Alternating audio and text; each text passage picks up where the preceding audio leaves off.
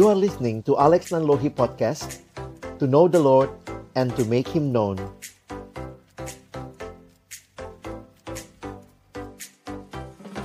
Mari berdoa sebelum membaca merenungkan firman Tuhan. Kami datang dalam ucapan syukur di siang hari ini ya Tuhan. Terima kasih untuk kasih setia dan anugerahmu yang nyata memimpin kehidupan kami.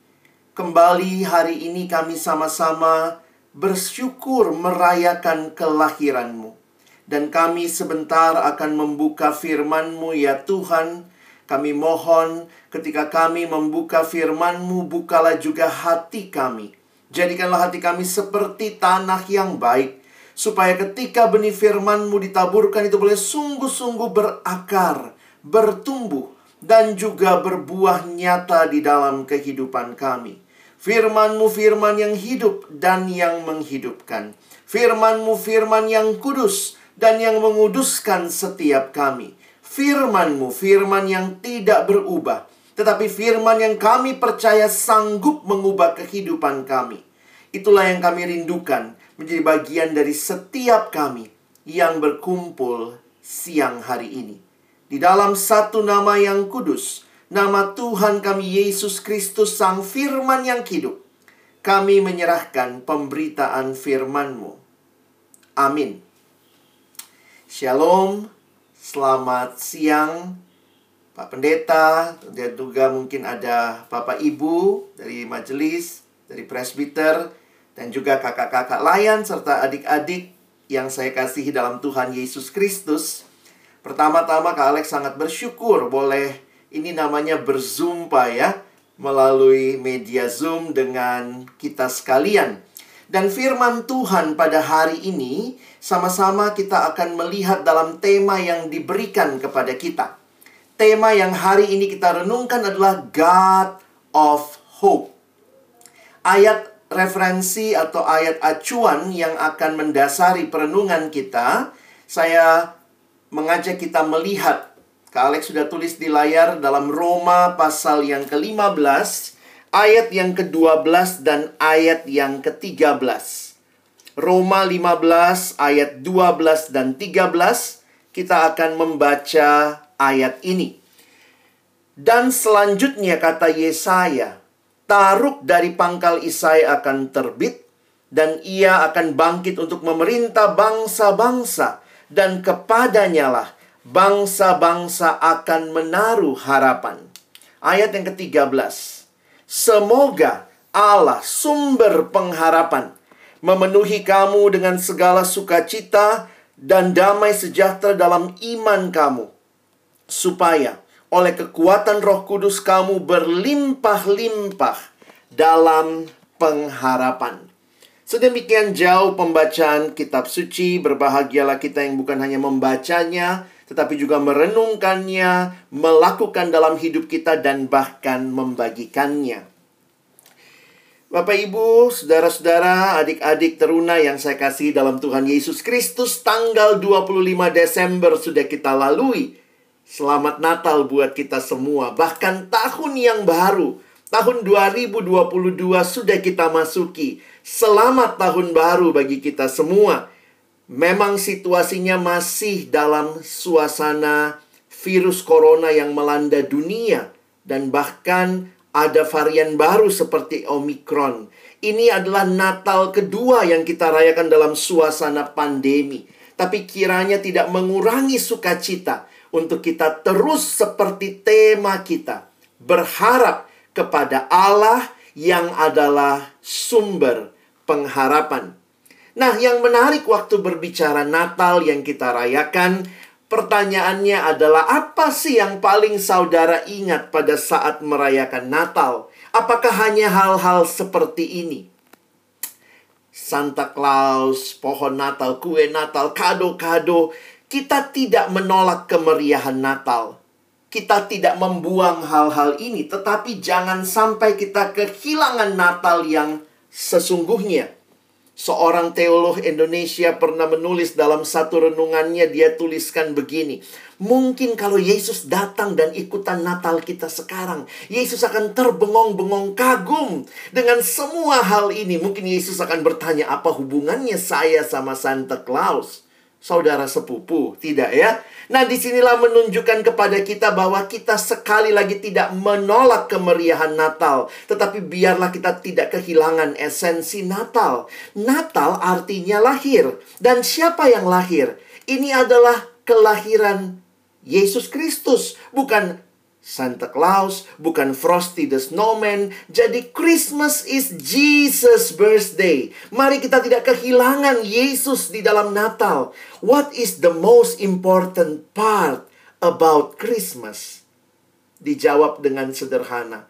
The most important part about Christmas is the first six letters. C H R I S T. Christ is the center of our Christmas. Bayangkan Christmas without Christ tinggal Mas. Mas, Mas. Ini bukan perayaan Mas, Mas, saudara. Jadi Christmas is empty without Jesus. And Jesus supposed to be at the very heart of our Christmas.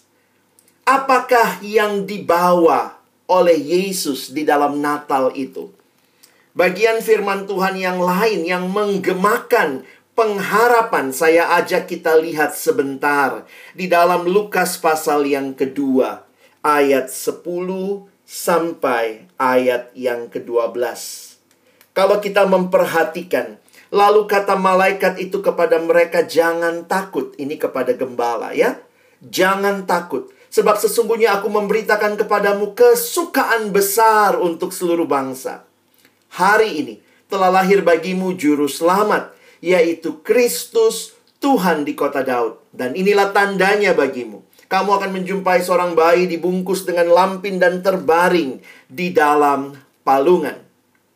Menarik sekali jika kita memperhatikan bagaimana berita malaikat ini disampaikan kepada para gembala dan diawali dengan kalimat jangan takut. Karena para gembala terlihat sangat ketakutan, maka dikatakan jangan takut dan disampaikanlah tentang berita Natal, tentang Yesus sang bayi Natal itu. Siapakah Yesus yang disampaikan di dalam bagian ini? Perhatikan baik-baik. Di dalam ayat yang ke-10 tadi dikatakan, Sesungguhnya aku memberitakan kepadamu kesukaan besar. Dan apakah isi berita kesukaan itu? Hari ini telah lahir bagimu juru selamat, yaitu Kristus Tuhan di kota Daud. Ada tiga nama yang muncul untuk sang bayi Natal. Dia disebut juru selamat, dia disebut Kristus, dan dia juga disebut Tuhan. Kak Alex ingin kita belajar mengerti siapakah yang lahir pada waktu Natal. Mengapa dia menjadi pengharapan kita. Perhatikan tiga nama ini kita akan lihat satu persatu. Yesus disebut juru selamat. Inilah berita kesukaan, good news. A savior was born. Seringkali adik-adik yang dikasihi Tuhan untuk mengerti berita sukacita, mungkin kita perlu dengar dulu apa berita duka citanya. Nah, waktu kita mengerti berita duka cita, maka ketika ada berita sukacita, barulah kita bilang, "Oh iya, betul, ini adalah berita sukacita." Pertanyaannya, apa berita duka cita terbesar di bawah kolong langit ini? Berita yang memberikan kepada manusia ketiadaan pengharapan. Berita apa yang menjadi berita duka cita terbesar sepanjang sejarah manusia. Ternyata berita duka citanya bukan COVID semata-mata. Tetapi Alkitab menyampaikan. Roma pasal yang ketiga ayat 23. Perhatikan ini berita duka cita terbesar sepanjang sejarah. Karena semua orang telah berbuat dosa dan telah kehilangan kemuliaan Allah. Teman-teman, adik-adik yang saya kasihi dalam Tuhan Yesus Kristus, perhatikan baik-baik Kalau kita bilang COVID itu pandemi, iya sih, memang betul, karena terjadi di semua tempat, hampir semua tempat di dunia, COVID melanda. Tapi kalau adik-adik sekalian mengerti, ayat ini sebenarnya dosa itulah pandemi yang sesungguhnya. The real pandemic is sin. Karena dosa yang dikatakan di dalam Alkitab melanda bukan hanya satu tempat, tetapi semua manusia. Kalau COVID, ada yang kena, ada yang nggak kena kan? Ada yang sampai hari ini kan memang masih sehat nggak kena. Memang terjadi di banyak tempat, tapi tidak semua kena. Tetapi waktu bicara dosa, Alkitab mengatakan semua orang telah berbuat dosa tanpa kecuali. Berarti mau tua, mau muda, mau miskin, mau kaya, laki-laki, perempuan, semua telah berbuat dosa. Sin is the real pandemic. Dan tidak heran betapa menyedihkannya berita ini karena apa ujungnya hidup dalam dosa. Perhatikan Roma 6:23a mengatakan Sebab upah dosa ialah maut. Jadi kalau orang hidup di dalam dosa, apa pengharapannya? Saya mengutip sebuah kalimat, sin itu akhirnya cuma hopeless end. Akhir yang tanpa pengharapan. Tetapi apakah ini cerita yang Tuhan mau bagi kita? Buktinya Natal. Natal menjadi bukti Allah bukanlah Allah yang angkat tangan ketika manusia jatuh dalam dosa. Tuhan kita bukan Tuhan yang angkat tangan. Aduh, nggak tahu mau diapain nih manusia. Allah kita bukan Allah yang lepas tangan. Oh, sudahlah, itu urusanmu, bukan urusan saya. Allah kita bukan Allah yang cuci tangan, tidak mau ikut campur. Tetapi Allah kita adalah Allah yang turun tangan, menjabat tangan kita karena dia rindu bahwa bukan ini akhir dari hidup manusia yang dia cipta. Perhatikan Roma 6 ayat 23a itu berita duka cita. Tapi kadang-kadang kita hafalnya cuma Roma 6 ayat 23a. Kadang-kadang kalau Kak Alex tanya sama adik-adik, ya adik-adik teruna. Roma 6 ayat 23, sebutkan apa ayatnya? Sebab upah dosa ialah maut. Betul, itu Roma 6 ayat 23a. Tapi hafalkan bagian belakangnya. Hafalkan seluruh ayat. Dikatakan, tetapi. Nah, kalau ketemu kata tetapi, mana yang penting? Di depannya atau di belakang tetapi ya? Biasanya di belakang tetapi. Ya, misalnya, dia dia cantik, dia pinter, dia kaya, tapi sudah meninggal. Wah, itu dengerin belakangnya ya. Jadi bagian belakang menunjukkan bahwa ini adalah sesuatu yang terjadi pembalikan yang besar. Sebab upah dosa ialah maut. Tetapi apa yang terjadi? Perhatikan. Karunia Allah ialah hidup yang kekal dalam Kristus Yesus Tuhan kita. Ini berita sukacita. Semua manusia berdosa tetapi karunia Allah di dalam Yesus adalah hidup yang kekal. Dosa masalah kita. Tetapi solusinya dari siapa?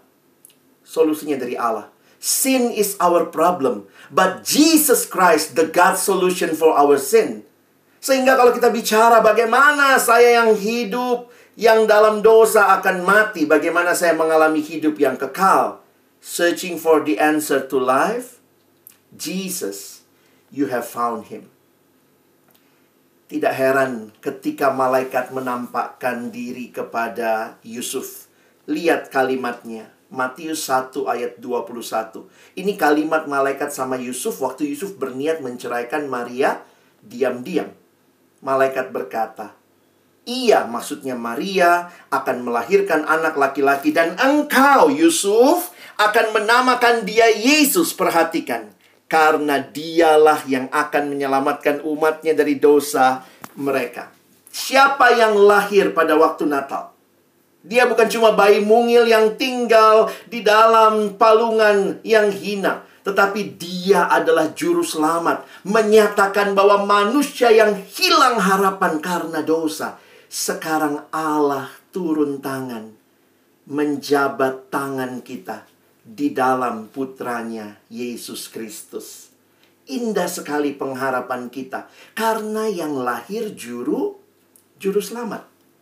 Yang kedua, Yang lahir ini dia disebut Kristus. Masih ingat tadi ya? Juru selamat Kristus. Apa sih artinya Kristus? Adik-adik di belakang Alkitab cetak kalian, wah sekarang udah jarang pakai Alkitab cetak kali ya. Kalau masih punya Alkitab cetak seperti yang Kak Alex pegang ini, buka di belakang ada kamusnya. Coba lihat kata Kristus. Nah, Kak Alex sudah fotokan di sini ya. Kristus itu terjemahan Yunani dari kata Ibrani Masyiah atau Mesias dalam bahasa Arab disebut Al-Masih. Artinya, yang diurapi oleh Tuhan. Nah, Yesus disebut Kristus karena dialah yang dipilih Allah menjadi penyelamat dan Tuhan. Akhirnya, Kristus juga menjadi nama diri untuk Yesus. Sebenarnya itu bukan famnya ya, bukan marganya. Yesus fam apa? Kristus, bukan. Yesus Mesias. Yesus Mesias menunjukkan bahwa dia yang akan menyelamatkan karena dia yang diurapi oleh Allah, dipilih oleh Allah untuk menjadi penyelamat dan Tuhan. Nah, orang Yahudi punya pengharapan akan Mesias. Nah, itu yang kita baca di ayat awal tadi. Masih ingat Roma 15? Itu tema kita. Dikatakan dan selanjutnya kata Yesaya. Jadi ditulis di kitab Yesaya taruk dari pangkal Isai. Jadi seperti tunas baru dari keturunannya Isai akan terbit. Ya, kalau kita ingat Daud dari keturunan Isai. Nah, Yesus anak Daud. Dan perhatikan kalimat Paulus. Dan ia akan bangkit untuk memerintah bangsa-bangsa dan kepadanya lah bangsa-bangsa akan menaruh harapan. Teman-teman yang dikasihi Tuhan, Nabi Yesaya menubuatkan tentang kedatangan Mesias ini 700 tahun sebelum kelahiran Yesus. Mungkin kita pikir kok lama banget ya. Tuhan menggenapkan janjinya yang dia janjikan berapa lama? 700 tahun sebelumnya. Wow, Apakah ini, apakah Tuhan lupa ya? Mesti kita ingat-ingetin Tuhan, jangan lupa janjimu dong gitu ya. Kadang-kadang dalam situasi hidup kita itu putus asa. Kayaknya Tuhan nggak bekerja, kayaknya Tuhan tidak melakukan sesuatu. Ayo Tuhan, jangan lupakan janjimu. Tapi Natal tidak dimulai dari program kita Natal dimulai di hati Allah. Natal ada di dalam waktunya Allah. Karena waktunya Allah tidak pernah terlalu cepat dan tidak pernah terlambat. Demikian Paulus mengatakan di Galatia pasal yang keempat. Tetapi setelah genap waktunya, maka Allah mengutus anaknya yang lahir dari seorang perempuan dan takluk kepada hukum Taurat. Ia diutus untuk menebus mereka yang takluk kepada hukum Taurat. Supaya kita diterima menjadi anak. Mungkin orang berpikir, "Oh, Tuhan lupa janjinya." Tidak. Setelah genap waktunya, Allah kita Allah yang bekerja, Dia punya rencana dan Dia melaksanakannya di dalam waktunya yang tepat. Indah sekali. Ini pengharapan bagi kita. Tuhan tidak lalai menepati janjinya. Itu kalimat Rasul Petrus di dalam 2 Petrus 3 ayat 9. Ketika orang-orang berkata, mana Tuhan? Katanya mau datang lagi. Mana janjinya? Petrus berkata, Tuhan tidak lalai menepati janjinya. Sekalipun ada orang yang menganggapnya sebagai kelalaian. Tetapi, kalau Tuhan belum datang, kenapa ya? Tetapi ia sabar terhadap kamu karena ia menghendaki supaya jangan ada yang binasa, melainkan supaya semua orang berbalik dan bertobat. Kadang-kadang kita bertanya, Tuhan, situasinya sulit. Pandemi masih belajar di rumah. Aduh, Tuhan bete banget begitu kali ya. Masih ibadahnya juga online, mulai onsite, eh tahu-tahu naik lagi disuruh on di rumah lagi. Itu semua mungkin membuat kita capek. Tuhan, mana pengharapan itu? Tapi Tuhan tidak lalai menepati janjinya. Ingat itu. Dia buat segala sesuatu indah pada waktunya. Kenapa? Karena yang lahir itu juru selamat, yang lahir itu Kristus, dia Mesias yang menunjukkan Allah tidak pernah melupakan janjinya kepada kita. Dan ingat yang ketiga namanya, dia Tuhan. He is Lord, Savior, Messiah, or Christ, and Lord. Wow, apa artinya Tuhan? Di dalam Alkitab ada dua istilah kunci yang menarik. Pertama, pencipta. God as a creator. Allah sebagai pencipta. Kalau dia pencipta, maka dialah yang memiliki segalanya, dialah yang mengendalikan segalanya. Nah, ini menarik. Karena apa? Manusia kita ciptaan. Ingat ya, jangan kebalik. Jadi sebenarnya begini, tanpa manusia, Allah tetap Allah. Tapi tanpa Allah, manusia kita bukan siapa-siapa. God without man is still God. But man without God is nothing. Dia Tuhan artinya dia pencipta. Tetapi ada juga istilah yang lain di Alkitab. Yesus juga dia disebut penebus. My God is my redeemer. Apa artinya penebus? Sebenarnya penebus itu mirip seperti pencipta. Kalau ada benda yang terjual, ada benda yang tergadai, maka ketika benda itu dibeli lagi, ditebus, dibayarkan sejumlah uang supaya benda itu kembali jadi milik sang penebus. Dia pencipta. Tetapi waktu engkau dan saya jatuh dalam dosa, dia menebus kita kembali. Luar biasa karyanya. Dan malaikat memberitahukan, yang lahir ini adalah Tuhan, pemilik hidupmu. Christ is either Lord of all, or he is not Lord at all. Adik-adik yang dikasihi Tuhan, apa sih artinya kalau dia Tuhan kita? Dia raja kita, dia pencipta kita, dia penebus kita. Berarti hidupmu ada dalam ceritanya Allah. Jangan selalu berpikir ini hidupku, lalu mari Tuhan, masuklah dalam hidupku. Sebenarnya kalau kita mengerti Allah yang punya cerita dan mengajak kita memasukkan kita ke dalam ceritanya. Jangan dibalik. Bukan ini cerita hidupku. Lalu saya memasukkan Tuhan dalam cerita saya. Kalau kamu mengerti sebenarnya your life is in God's big story. Tuhan punya rencana dan dia mengundang engkau dan saya masuk terlibat di dalam rencananya. Karena itu kita harus dengar-dengaran sama Tuhan. Karena untuk hidup yang baik, hidup yang berhasil itu bukan hidup yang aku mau, tapi hidup yang penciptaku mau. Wow, indah sekali. Kita punya pengharapan karena yang lahir itu juru selamat. Dia Kristus, dia Tuhan. Kalau dia juru selamat, maka kalau dulu saya hidup dalam dosa, maka sekarang saya hidup dalam kebenaran. Itu Natal yang sejati. Yang lahir di hati kita juru selamat. Tinggalkan dosa. Sekarang hidup benar. Kalau yang lahir itu adalah Kristus, maka ketika dulu saya putus asa, saya tidak tahu Tuhan, mengapa demikian, mana janjimu. Tetapi karena yang lahir Kristus, sekarang kita punya pengharapan. Karena yang lahir adalah Tuhan, maka kalau dulu saya sangat self-centered, it's my life, ini hidupku. Sekarang saya berkata, Tuhan, it's yours hidupku milikmu. God-centered. Jadi teman-teman yang dikasihi Tuhan, pengharapan kita tidak terletak pada hal-hal yang lain, tetapi kepada pribadi yang lahir waktu Natal. Sambutlah dia di hati kita. He is the God of hope. Nah inilah yang kita sungguh rindukan. Fokuslah kepada Tuhan. Hidup yang terus berpusatkan Kristus. Hidup yang memandang hidup ini dari perspektifnya Allah. Bukan perspektifnya kita. Dan waktu fokus kita benar, nah yang terjadi apa? When our focus change, our feelings change.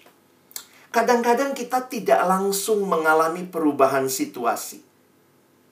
Kak Alex ingat waktu gembala-gembala datang kan ketemu Yesus ya. Numpang tanya. Waktu gembala pulang habis ketemu Yesus. Mereka berubah jadi konglomerat. Tadi kan gembala tuh miskin gitu ya, menderita. Apa waktu ketemu Yesus mereka pulang, wow jadi konglomerat, punya perusahaan banyak. Tidak, mereka pulang tetap gembala. Tetapi kenapa sangat berbeda? Alkitab mencatat mereka pulang sambil memuliakan Allah. Mengapa? When they find Jesus, maka sekarang mereka punya pengharapan. Fokusnya kepada Tuhan, bukan kepada situasi. Dan akhirnya perasaan mereka berubah. Jadi kadang-kadang Tuhan belum ubah situasinya teman-teman ya. Ini buat kita yang lagi menanti pengharapan kali ya. Sometimes God doesn't change your situation.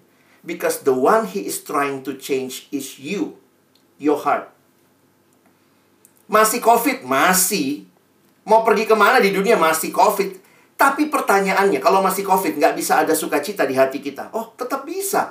Kenapa? Karena kita tidak fokus sama COVID-nya. Kita fokus kepada Allah yang di dalam dia kita punya pengharapan. COVID masih melanda. Tuhan tidak pernah janji hidup tanpa pergumulan. Ingat baik-baik. Tidak ada janji Tuhan di Alkitab. Kamu akan hidup tanpa pergumulan. Tidak ada. Tetapi janji Tuhan kalau begitu apa dong? Janjinya bahwa dia berjalan bersama kita. Di dalam pergumulan hidup kita. Hidup itu indah bukan karena nggak ada pergumulan. Hidup itu indah karena ada Yesus berjalan bersama kita. Sehingga ketika kita menghadapi pergumulan yang paling sulit, ingat baik-baik. Because of Jesus, there is always hope even in the darkest moment of your life. Masa-masa COVID ini banyak kesedihan ya yang kita alami. Kadang-kadang kita pikir bagaimana. Mungkin ada yang sempat juga mengalami kehilangan orang yang dekat, keluarga, teman. Situasinya nggak mudah. Tetapi waktu kita berharap kepada Tuhan, maka situasinya ya tetap ada kesedihan, ada yang meninggal, ada yang sakit berat. Tapi Tuhan kasih kita ketenangan untuk belajar berharap dan bergantung kepada Tuhan. Sometimes God doesn't change your situation, but the one He is trying to change is you. Hope, hold on, pain ends. Kalex akan tutup dengan beberapa slide ini. Adik-adik yang dikasihi Tuhan, waktu melihat situasi yang terjadi di sekitar kita, maka kembali lagi, ayat tadi itu indah sekali ya. Semoga Allah sumber pengharapan. Jadi pengharapan kita sumbernya bukan dari manusia, bukan dari situasi yang berubah semata-mata, tapi sumber pengharapan kita dari Allah. Kalau dia sumber pengharapan kita, mari ngerti ayat ini. Memenuhi kamu dengan segala sukacita. Wow. Dan damai sejahtera. Wow. Dalam iman kamu supaya oleh kekuatan Roh Kudus kamu bukan cuma punya pengharapan. Lihat kalimatnya. Kamu berlimpah-limpah dalam pengharapan. God is the God of hope. And hope dari pengharapan itu mengalir, meluap, overflow, joy, sukacita, and peace. Jadi hidup Kristen itu bukan hidup tanpa masalah, makanya kita punya pengharapan. Tapi di dalam situasi yang sulit, kita punya pengharapan terus kepada Tuhan. Christian hope itu dasarnya apa? Didasarkan kepada Tuhan yang setia dan yang berjanji dan tidak pernah me melewati atau melupakan janjinya. Jadi janji Tuhan itulah dasar pengharapan kita. Jadi sebagai orang Kristen, ya kita perlu hidup ya. Makanya menarik, sebenarnya pengharapan itu kan sesuatu yang nanti ya. Tapi sudah punya efek dari sekarang. Nah, itu itu kekuatan pengharapan ya. Sesuatu yang masih terjadi nanti bahwa Tuhan akan datang, Tuhan akan memulihkan segala sesuatu, Tuhan akan menggenapkan semuanya, Tuhan Yesus akan datang kedua kali. Itu semua akan terjadi nanti dan kita percaya itu pasti tapi sudah punya efek dari sekarang. Nah, coba kalian kasih contoh sederhana begini ya. Jadi misalnya ada anak nih, anak PT nih ya, anak Eka atau Dwi, bilangnya dibilang sama orang tuanya gini. Pokoknya kalau kamu belajar yang rajin, nilai bagus, naik kelas, kita jalan-jalan. Ke mana deh yang jauh-jauh? Uh, ke Disneyland Hong Kong. kita akan jalan ke Disneyland Hong Kong asal nanti kamu naik kelas, nilai bagus gitu ya. Lalu papa mama misalnya janji seperti itu. Sudah ke Disneyland? Belum, nanti waktu naik kelas. Tetapi perhatikan, mungkin kamu lagi kerjain PR matematika. Aduh Tuhan, ribet banget nih PR. Tapi kemudian kamu ingat lagi, wow, apa yang diingat? Disneyland Hong Kong. Wah, pengharapan itu membuat kita bangkit dan kembali bersemangat. Ayo kerjain PR ini meskipun susah. Mungkin kamu malas-malesan sekolah. Aduh Tuhan, males nih, mau pulang aja. Aduh, memang di rumah sih ya. Males nih, nggak mau kerjain PR. Tapi kemudian ingat lagi apa? Disneyland Hong Kong. Wah, itu memberi pengharapan lagi. Pengharapan belum terjadi. Tetapi kita percaya dan itu memberikan energi buat kita, semangat, motivasi. Jadi orang Kristen itu hidupnya di masa kini, tetapi di dalam terang pengharapan masa depan. Itulah indahnya pengharapan Kristiani karena yang berjanji bukan pemerintah, bukan papa mama, papa mama pun masih bisa ingkar janji. Tetapi yang berjanji adalah Tuhan yang tidak pernah tidak menepati janjinya. Jadi Natal bukan sekadar perayaan, tetapi sebuah perubahan. Bagaimana hati yang akhirnya memandang kepada Tuhan dan terus berharap. Kalau betul ada perubahan, maka kamu harus berubah juga ya. Ayo yang merayakan Natal, cara belajarnya berubah, jangan malas-malesan. Kita belajar memuliakan Tuhan. Pergaulanmu, jadikanlah pergaulan yang memuliakan Tuhan, bukan mempermalukan Tuhan kakak-kakak, layan yang sudah bekerja, jadikan pekerjaanmu juga sarana di mana engkau menyaksikan kemuliaan Tuhan. Buat kakak-kakak yang sudah pacaran ya, adik-adik nanti dulu ya. Pacaranlah dalam kebenaran, di dalam kekudusan. Pacaranmu pun memuliakan Tuhan. Di dalam kasihnya Tuhan. Nanti sampai hidup berumah tangga. Kiranya ini juga menyatakan kemuliaan Tuhan. Mari jadi berkat di tengah-tengah dunia ini. Kak Alex suka pikir sekarang anak sekarang jadi berkatnya di mana ya? Mungkin di ini ya. Jadi garam dan terang di medsos. ya, mari bagikan pesan-pesan pengharapan. Kamu dapat apa dari khotbah hari ini? Coba share di Instagrammu. Coba share di statusmu. Ingatkan orang lain ada pengharapan dalam Tuhan. Jangan di medsosnya cuman isinya bete, ha gitu ya. Gue nggak dapat kue Natal gitu ya. Bagikan pesan pengharapan di tengah dunia yang semakin sulit menikmati pengharapan. Dan sebagai bagian penutup, Kak Alex ingatkan buat kita ya. Gimana sih kita tetap memiliki pengharapan dalam masa-masa pandemi seperti ini, masa terpuruk seperti ini. Kak Alex, gimana kita bisa punya pengharapan dalam situasi seperti ini? Hai adik-adik teruna, teruslah bertumbuh dalam pengenalan akan Tuhan, ya. Ada tiga hal yang Tuhan kasih. Ingat baik-baik. Tiga hal ini mesti kamu nikmati, kamu pelihara, kamu terus perjuangkan. Pertama, Tuhan kasih roh kudusnya. Roh Kudus itu diam di hati setiap kita yang percaya. Semua kita yang percaya punya Roh Kudus. Itu janji firman Tuhan. Roh Kudus ini memimpin kita, mengingatkan kita, menghibur kita, menguatkan kita. Yang kedua Tuhan kasih apa? Tuhan kasih firmannya. Ayo, masih saat teduh nggak adik-adik ya? Jangan nanti kalau ditanya, biasanya habis liburan tuh saat teduhnya berantakan ya karena nggak diingetin atau apa. Bagaimana saat teduhmu, Dek? teduh, Kak. Teduh sekali. Aduh, jangan seperti itu ya. Yuk, kita semangat lagi. Kita bangun lagi hidup dekat dengan Tuhan. Dunia berubah. Apa yang tidak berubah? Firman Tuhan tidak berubah. The Bible is unchanging truth. Baca, renungkan. Itu kekuatanmu menjalani kehidupan.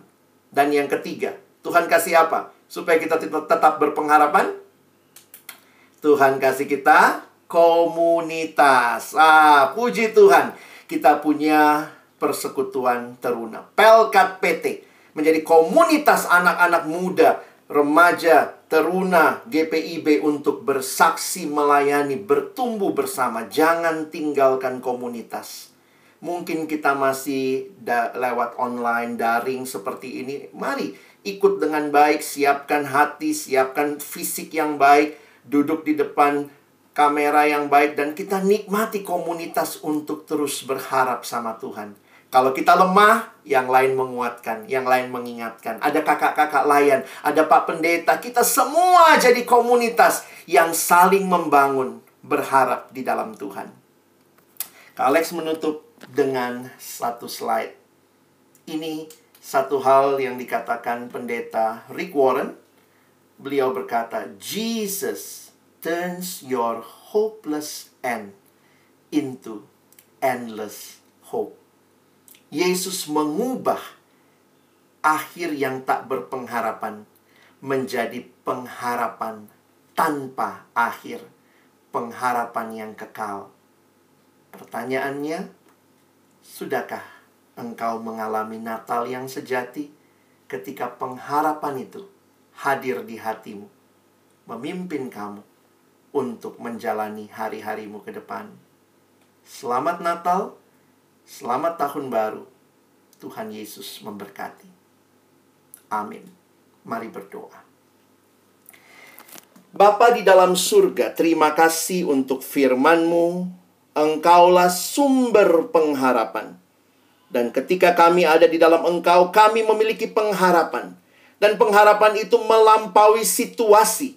Bahkan ketika situasi belum banyak berubah, tetap kami bisa punya sukacita, kami bisa punya damai sejahtera karena Tuhan memberikan kekuatan dan menghibur kami. Tuhan, kami rindu jadi teruna-teruna yang menikmati pengharapan itu dan bahkan membagikan pengharapan itu. Karena kami telah berjumpa dengan Yesus Kristus, pengharapan yang sejati, yang kehadirannya di hati kami mengubahkan hidup kami dan sekitar kami. Sekali lagi kami bersyukur. Tolong kami bukan hanya merayakan Natal, karena Natal bukan sekadar perayaan, tetapi sungguh adalah perubahan. Kami mau berubah bagi kemuliaan Tuhan. Kami tidak mau lagi hidup di dalam dosa. Kami tidak mau lagi hidup di dalam ketidakpercayaan, keputusasaan, tapi kami mau hidup bersandar, bergantung bagi kemuliaan Tuhan. Dalam nama Tuhan Yesus, kami sudah berdoa. Amin.